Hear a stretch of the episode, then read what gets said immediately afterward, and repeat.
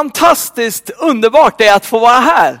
Vi gläder oss enormt mycket, Emelie och jag, att vi får vara här. Det är det Motten precis beskrev här, det är någonting vi verkligen också känner. Vi kände på en gång att här kan vi vara hemma. Här har vi fått massa nya goa vänner. Så vi är så otroligt tacksamma. Så tusen tack Mårten och Anette för inbjudan att få vara här. Och vilken fantastisk församling ni har. Vilka fantastiska ungdomar. Ja. Helt enormt. Jag har jobbat med ungdomar länge och har hållit på med många konferenser genom åren. Och jag vet hur mycket arbete det är, hur mycket slit det är, hur mycket det är som inte syns. Här ser vi en bråkdel av allt som händer under en konferens. Men de har gått in och burit det här med en sån glädje, med en sån passion, det bara lyser genom deras ögon. Och det är fantastiskt. Ni kan vara lyckliga som har ett sånt fantastiskt ungdomsledarteam med Thomas och Micke och hela, hela gänget här och en fantastisk ungdomsskara. Så jag tycker vi bara ger dem en rungande applåd till. Woho!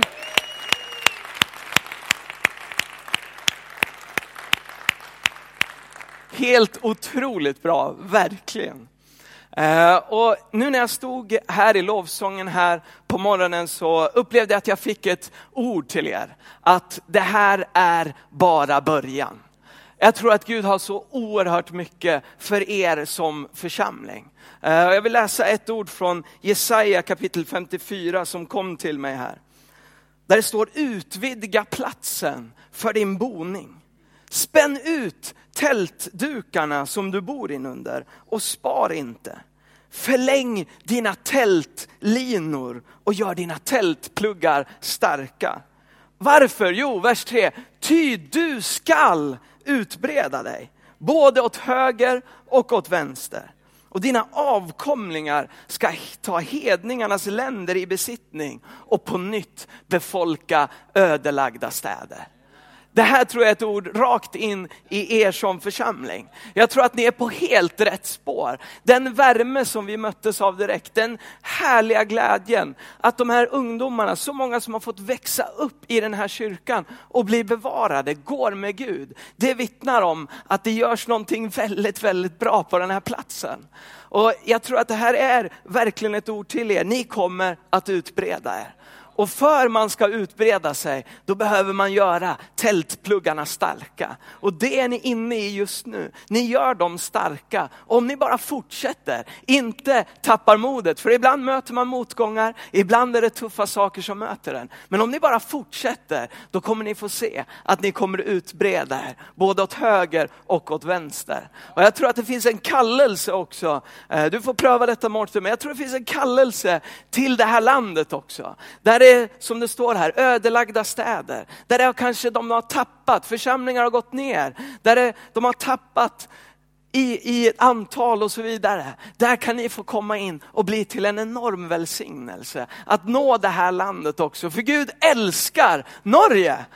Han har goda planer för det här landet. Så bara välsignelse till er och ta det här ordet till er. Ni är på rätt spår. Gud är med er och ni har mycket mycket gott framför er. Amen. Amen. Ska vi göra så att vi bara ber för, för den här stunden tillsammans nu, för ordet som ska delas. Jesus, vi tackar dig att du är här mitt ibland oss, Herre. Tack att du har varit med från första start av den här konferensen, Herre. Och du är med hela vägen igenom, Herre. Vi prisar dig och tackar dig för det. Tack att vi har fått koppla med ditt hjärta, Herre. Och Jesus, den här förmiddagen så vill vi fortsätta att koppla. Åh, men också Herre, Se till att våra hjärtan är fortsatt kopplade med dig Herre. När vi åker hem från den här konferensen Herre, så vill vi fortsätta att stay connected, att fortsätta att koppla med dig Herre. Att växa i dig, att lära känna dig mer Herre. Det längtar vi efter. I Jesu Kristi namn. Så välsigna den här stunden. Tala Herre genom ditt ord och med din ande. Det ber vi om i Jesu namn. Amen. Amen. Underbart. Som sagt, vi har talat om just detta på den här konferensen. Jag älskar temat connect your heart. Att få koppla sitt hjärta med Guds hjärta. Och igår så talade jag just om, om detta, att, att förutsättningen för detta det är att du och jag får vara ärliga. Att vi får komma med Gud. Att Gud vill inte ha en relation som är på avstånd, någonstans långt, långt borta, utan han vill komma nära. Han vill att du och jag ska kliva nära honom. Han längtar ännu mycket mer efter dig än vad du någonsin kommer kunna längta efter honom. Han bara längtar efter gemenskapen, att få koppla med dig.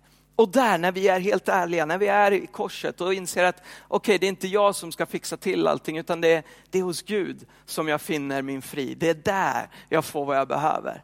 Det är där vi får koppla med hans hjärta och han möter oss.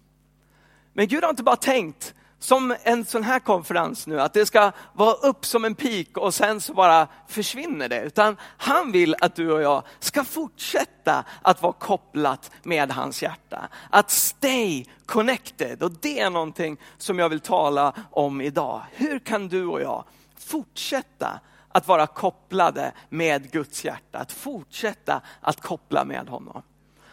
Och hur gör vi det då? Ja, du får jättegärna gå med mig till Apostlagärningarna kapitel 2. Kommer upp här på skärmarna, men har du din bibel med dig får du jättegärna slå upp den eller i din mobiltelefon. Eller var du nu än har den. Apostlagärningarna kapitel 2. Och vi får kliva in hos den första församlingen. Det är fantastiskt när man läser om den första församlingen, hur evangeliet sprids, hur kyrkan byggs stark, hur, hur den utbreder sig. Och vad var nyckeln i detta? Hur kunde de utbreda sig och fortsätta koppla med Guds hjärta och växa som församling? Och då står det så här i Apostlagärningarna 2 och vers 42. De höll troget fast vid apostlarnas lära vid gemenskapen, vid brödsbrytelsen och vid bönerna. Det står att de höll fast vid alla de här, inte bara som någonting, ja, vi får väl försöka någonting, utan troget höll de fast. Det här var någonting som var viktigt, det här var någonting de prioriterade. Att hålla fast vid de här fyra sakerna. Vi ska se, jag tror jag har en stol här någonstans. Där står den ja.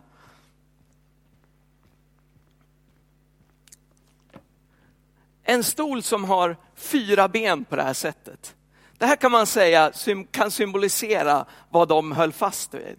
För om jag har den här stolen nu, har jag alla fyra benen, ja men då går det ju kanon. Då sitter jag stabilt tryggt här.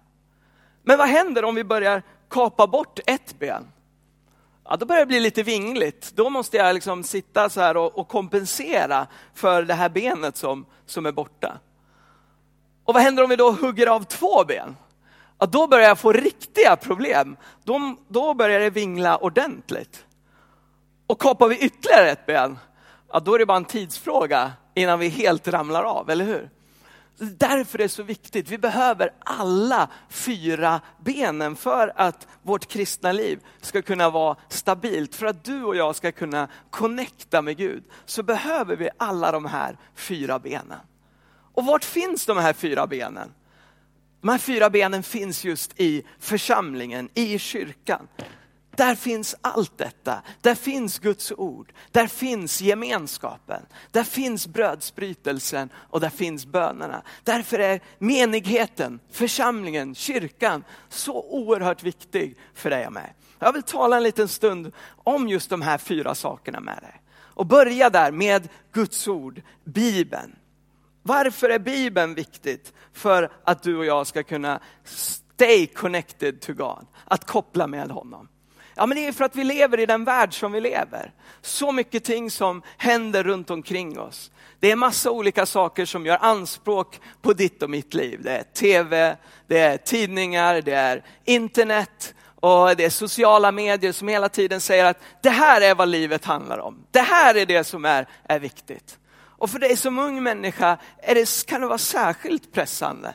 Man undrar, finns det någonting stabilt i livet? Finns det en sanning som håller?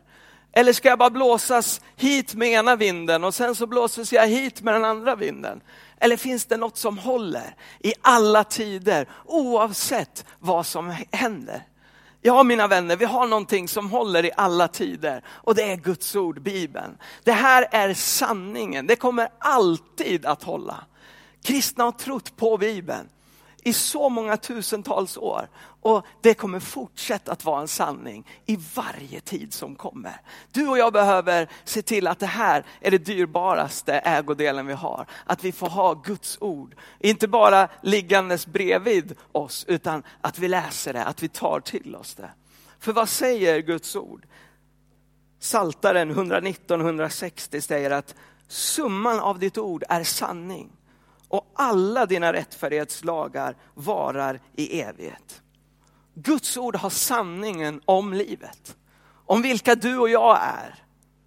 Det ger oss hjälp och nytt hopp när vi möter på olika utmaningar. Det finns där alltid för att ge hopp om framtiden och det hjälper oss att hålla oss på vägen. Psaltaren 119 och vers 105 säger att ditt ord är mina fötters lykta och ett ljus på min stig. Det hjälper oss, det ger oss ljus mitt i mörker. Ibland är det så att du och jag går igenom tuffa passager i livet. Ibland är det mörker runt omkring dig. För min familj så, så mötte vi på ett mörker när min mamma hon är psykeplayer, sjuksköterska på svenska. Eh, och hon jobbade där på intensivvårdsavdelningen. Och för många år sedan, så någon gång under det att hon jobbade, så, så råkade hon sticka sig med en nål som, som hon hade från en patient och hon blev smittad eh, av en svår leversjukdom. Och det där upptäcktes efter ett tag och det visade sig att den här sjukdomen bryter bara ner levern mer och mer. Och 2006, för ett antal år sedan, så så bestämde sig, nej, vi måste göra någonting åt det här. Vi måste, du måste börja en behandling, en svår behandling. Eh, man visste inte om det skulle bli bra. Det var ungefär 50-50 om det skulle kunna bli bra. Eh, dessvärre så felbehandlades hon under den här tiden också. Och det ledde till att hon fick en svår personlighetsförändring. Ehm, hon kunde knappt ta hand om sin egen hygien. Hon blev otroligt ehm, orolig eh, vad säger man på norsk? Orolig, det är samma ord. Eh, och ringde oss flera gånger per dag, min syster och min pappa och jag. Det var fruktansvärd tid. Och i början då försöker man ju mest bara förneka det. Man tänker att nej, men hon måste bara bli frisk. Det här, det här måste bara vara en mardröm som jag snart vaknar upp i. Och man tänker, det måste hända någonting. Men sen börjar man inse, att det händer ingenting. Det är fortfarande så här jobbigt. Och då kommer den där hopplösheten. Man börjar känna, kommer det här någonsin bli bra? Kommer mamma vara så här dålig för resten av våra liv? Och vet du vad, där, mitt i den mörkret, mitt i den kampen, den förtvivlan som jag då kände och min pappa och min syster kände. Det är där du behöver Guds ord som får ge dig hopp. Och ett ord som bar mig under den tiden, det var från Uppenbarelseboken 21 vers 5. Där det står att se, jag gör allting nytt. Jag gör allting nytt. Vi har en Gud som inte bara kan ställa saker och ting nätt och jämnt till rätta, utan han kan till och med göra allting nytt. I det mörker som du kanske går igenom nu, den tuffa situationen som du är mitt i, så säger han till dig, jag vill göra allting nytt. Jag är med dig. Som det står också i Saltaren 23, att han är med dig när du är i dödsskuggans dal. Det står inte att han ska ta dig därifrån och placera dig någon annanstans bara. Utan det står att han ska gå med dig genom dödsskuggans dal. Och det är så underbart. Det är inte att vi stannar där med Gud i dödsskuggans dal, utan vi får gå igenom. Det finns hopp. Det finns någonting som bär igenom. Det finns ett ljus där framme som han vill leda dig till. Och det ordet betyder så oerhört mycket för mig. Att få det ordet i mitt hjärta. Att när det kändes som mest hopplöst så visste jag, nej men Gud har sagt det här. Guds ord håller. Det blir som Gud har sagt. Det var en sak som var viktigt för mig. Det andra som var viktigt för mig, det var gemenskapen. Hur fantastiskt är det inte att få koppla tillsammans som Kristi kropp? Att få ha människor runt omkring sig som har samma tro som du och jag har. Det betyder så enormt mycket. För mig betyder det massor, för vår familj betyder det massor. Dels andra pastorer, men också vänner som man kunde be tillsammans med, som man kunde gråta ut tillsammans med. Och så kunde man få nytt hopp och nytt styrka av att man står tillsammans. För ensam är aldrig stark, men tillsammans så är vi starka. Det är någonting underbart. Och det bar mig igenom, det bar vår familj igenom.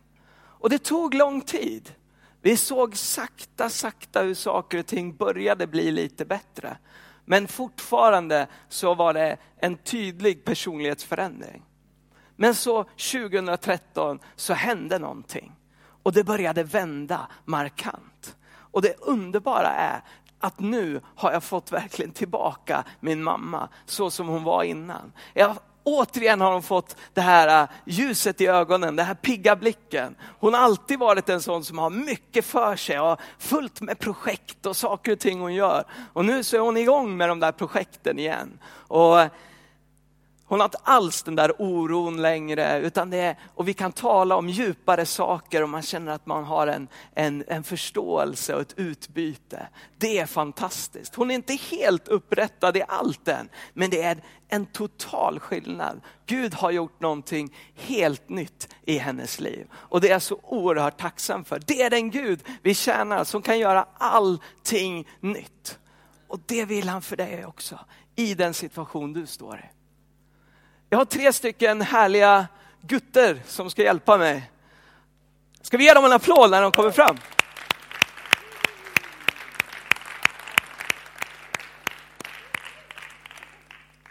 De här hjälpte mig igår och hjälper mig igen, det är fantastiskt. Idag ska jag placera ut er på lite olika ställen. Vi börjar, du kan stå där och du står bra här. Och så Simon får ta några steg bort här. Perfekt. Okej, okay, hur fungerar gemenskapen? Om vi ska vara för oss själva så här, då blir det mycket svårt. Det är klart att livet kan funka ibland bra. Men då när det kommer jobbigheter, när, när fienden försöker dra oss åt ett håll, då har vi jättesvårt att stå emot. Varför? Därför att vi står helt ensamma. Och då är det jättesvårt att, att stå stadigt när olika utmaningar kommer emot oss. Men om vi istället gör så här, att ni kommer in i mitten och kopplar armkrok med varandra.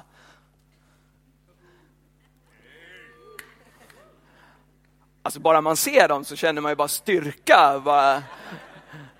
Men här rubbar man inte så lätt, eller hur? För vad händer nu? Nu, ska, nu kommer en annan utmaning som försöker dra den här unge mannen iväg. Och vad händer då? Han är kopplad. Det går inte. Är, hur mycket det än drar, så, så länge han är kopplad här, då finns styrkan där som håller honom kvar på banan och som gör honom stark. Så här är precis församlingen. Så här är gemenskapen. Vi får koppla samman tillsammans och då blir vi starka. Då är vi inte en solospelare någonstans, utan vi är ett team tillsammans. Och då står det att ingenting kan komma mot församlingen och bli det övermäktig. Utan då står vi starka genom alla tider. Ska vi ge dem här en stor applåd?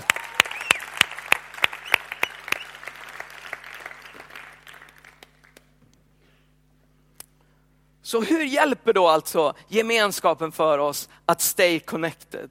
Om vi går till Efesierbrevet kapitel 3, vers 18 till 19. Efesierbrevet 3, 18-19.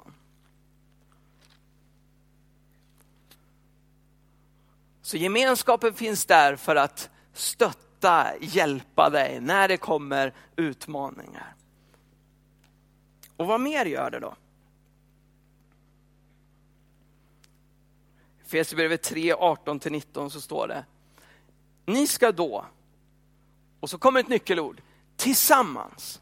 Inte själv, inte någonstans långt borta på en egen soloride här, utan connected, tillsammans. Så ska vi med alla de heliga kunna förstå bredden och längden och höjden och djupet. Och lära känna Kristi kärlek som går långt utöver vad någon kan förstå. Så ska ni bli helt uppfyllda av all Guds fullhet. Tillsammans, det är där vi ser till fullo vad Guds kärlek är, vem Jesus är.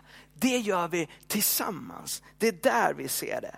Och där har vi att gemenskapen går i två riktningar. Att vi har både detta att du får ta emot kraft, men på samma sätt, på samma sätt så är du också kopplad och ger din kraft till andra. Du är en välsignelse i den här menigheten, på den här platsen. Du ger en styrka. Om inte du är här, då saknas det någonting. Varenda en här inne är så oerhört viktig. Jag vill verkligen uppmuntra dig som är ung också, som kopplat och som har gjort ett så fantastiskt jobb här nu under den här konferensen. Fortsätt. Fortsätt att ge av det som är dina gåvor, dina talanger, det Gud har givit dig. Det är till för att välsigna den här menigheten. Det är till för att berika den här. Du behövs i den här kyrkan. Du är den här kyrkans framtid. Och det är så viktigt. Och här kommer också en sån otrolig glädje som vi har hört Ricke berätta om här också. Att det är en sån enorm glädje att få vara tillsammans. Det är sociala. Man upptäcker varandra när man får arbeta tillsammans och engagera sig på det här sättet i kyrkan. Jag kommer ihåg själv hur det var för, för mig. Jag fick en, en eh, sådana sån här hemgruppsledare. Vi hade de här mindre grupperna i ungdomsarbetet när jag var 13 år gammal. Och vad gjorde han? Han hette Mats. Han, han tog med mig in i det han redan gjorde. Han drog med mig när han var ansvarig eller skulle göra något i kyrkan. Och då sa han, men Sebastian haka på här. Du kan också vara med. Och så gjorde vi det tillsammans. Och det där var någonting bara som bara, wow, vad roligt. Jag började upptäcka vad roligt det är att få hjälpa till i menigheten. Vad roligt det är att få vara en del av det. Då blev inte kyrkan bara en kyrka, det blev min kyrka. Och där ligger någonting så fantastiskt. Att du och jag får kliva in, att vi får säga, här är jag, jag vill bidra, jag vill ge min del, jag vill ge min styrka till den här kroppen, till menigheten. Det gör oss starka, så starka tillsammans. På så sätt kan vi fortsätta att vara kopplade med Guds hjärta genom att vi ställer oss i kyrkan tillsammans, sida vid sida. Är ni med så långt? Härligt. Så Bibeln, gemenskapen och för det tredje brödsbrytelsen. Att vi får komma och fira brödsbrytelsen tillsammans. Hur hjälper den oss då att hålla oss kopplade med Guds hjärta? Jo, där påminns vi om vad Jesus har gjort på korset. Precis som vi såg i den här teasern för den här filmen. Vad Jesus har gjort för dig och mig. Att han dog på korset, att han bar dina och mina synder. Det som är själva kärnan i det kristna budskapet. Det är någonting vi behöver påminna oss om ständigt.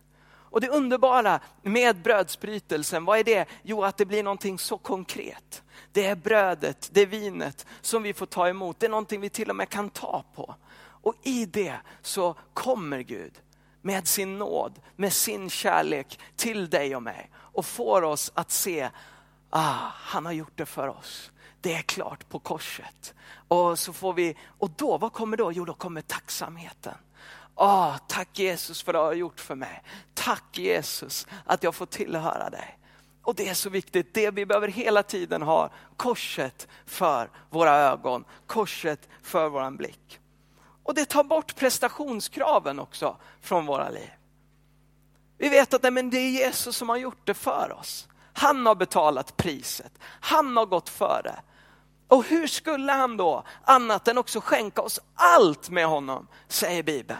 Om han till och med var villig att gå i döden för dig och mig, då finns allt annat som du och jag behöver också. Här är en enorm styrka och här finns också Jesu seger. Att när du vaknar upp nu imorgon måndag morgon. Jag vet hur det är när man har jobbat, slitit med en konferens. Och så vaknar man upp må måndag morgon och plötsligt kanske det inte riktigt känns lika mycket på topp. Man är inte riktigt lika i gasen där på måndag morgon som man var på lördag kväll eller på fredag kväll när man hoppade och dansade eller som vi får vara här, den här glädjen, gemenskapen vi får känna. Men vet du vad, du är lika mycket en segrare då. På måndag morgon är du lika mycket en segrare som du var i fredags kväll. På måndag morgon när du vaknar så är Jesus seger, den gäller dig. Och den segern kan du och jag få leva i varje dag. Det gör att vi får fortsätta att koppla med Guds hjärta. Amen. Och så det sista, bönerna. Bönen. Hur hjälper det oss då? att stay connected, att koppla med Guds hjärta. Det underbara med bönen det är att bönen tar bort fokus från oss själva och så riktar det fokus mot Gud. Det är så lätt att vi blir upptagna med allt som händer. Vi har mycket saker som händer i våra liv. Allt möjligt som vi har i våran vardag. Men när vi får vända oss till Gud i bön, då helt plötsligt så, så får jag se honom istället. Och då blir inte den där bördan eller det där som jag möter i vardagen lika jobbigt längre. Utan då får jag sätta fokus på honom och veta att ah, den seger han har vunnit, den gäller mig. Den gäller mig idag, mitt i min vardag, så är han med mig där. Och det gör oss kopplade med honom, att vi får rikta vår blick och vår fokus på honom ett bibelord till som jag vill ta om vi går till Filipperbrevet kapitel 4. Filipperbrevet kapitel 4. Och från vers 6 till vers 7. Filipperbrevet 4, vers 6 till 7. Gör er inga bekymmer för något, utan låt Gud i allt få veta era önskningar genom åkallan och bön med tacksägelse. Vad händer då? Jo, då ska Guds frid, som övergår allt förstånd, bevara ditt hjärta, era hjärtan och tankar i Kristus Jesus. Det här är någonting som är så viktigt. Och en nyckel för dig och mig, att komma med våra böner. Det är så lätt att vi går runt i livet och bekymrar oss. För en det ena, en det andra. Hur blir det med det här då? Och hur ska den här veckan gå nu? Nu har jag de här sakerna som ligger framför mig. Eller nu har jag ett prov i skolan, hur ska den gå? Och så vidare. Och så går man och bekymrar sig för en mängd olika saker. Vi behöver ta de sakerna till Gud i bön. Och ge dem till Gud. Och sen lämna dem där hos Gud och veta att han är den som bär.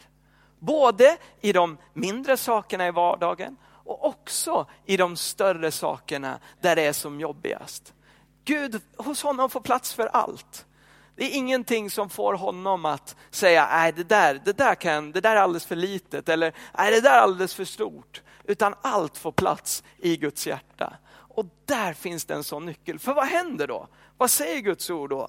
Om vi tar våra bekymmer till honom och ger dem till honom i bön, ja då ska Guds frid, den friden som övergår allt förstånd. När vi inte ser, ja men, ja men hur ska det gå då? Det, här, det finns ju ingen lösning på det här. Jo, men då kan det finnas en frid, att vi får lämna det hos Gud och veta att, vänta nu, för Gud är ingenting omöjligt. Han vet, där inte du och jag vet. Och då får det komma en sån frid till dig och mig. Och den friden behöver du och jag. Precis som när, när min mamma, när hon var som sjukast, ja, men då var det det här jag behövde göra. Jag fick komma också i bönen, lägga det till Gud. Och veta att jag fick lära mig det. Det var inte lätt i början. Det var svårt. Men allt eftersom så fick jag lära mig mer och mer. Att okej, okay, jag måste lägga det i Guds händer. Det är så lätt man tycker, men jag kan inte ändra den här situationen. Man känner sig maktlös. Men Gud kan göra mer än vad vi ens kan bedja eller tänka. Och det är där hos honom som vi behöver lämna det. Kan jag få be det här fantastiska lovsångsteamet att, att göra sig redo och komma upp igen. För i bönen så får du och jag uttrycka ditt och mitt hjärta. till honom. Det är någonting så fantastiskt. Musiken, lovsången, att få tillbe Jesus på det sättet. Då får vi koppla våra känslor. Det är så lätt våra känslor vill dra en åt det ena hållet eller en åt det andra hållet. Men lovsången är en sån hjälp för oss då att få koppla på våra känslor och så rikta dem mot Gud. Lovsång, tillbedjan är en sån hjälp i detta. Där får vi rikta våra böner upp till Gud. Och vi ser det att Saltaren, det är en enda lång härlig lovsång och bönebok. Där vi ser hur David bara uttrycker sitt hjärta inför Gud. Både det som är det allra mest jobbigaste, men också mitt i det som David gick igenom av svårigheter, så bara lyfter han sin blick och bara tillber, tillber och prisar Gud. Sånt underbart sätt att få, få rikta vår blick på honom och ge vårt hjärta till honom. Det är ett sätt som du och jag stays connected. Att vi får fortsätta att koppla med honom. Och det ska vi göra här i slutet av den här gudstjänsten också. Fortsätta tillbe, prisa Gud. Ska vi göra så att vi står upp tillsammans.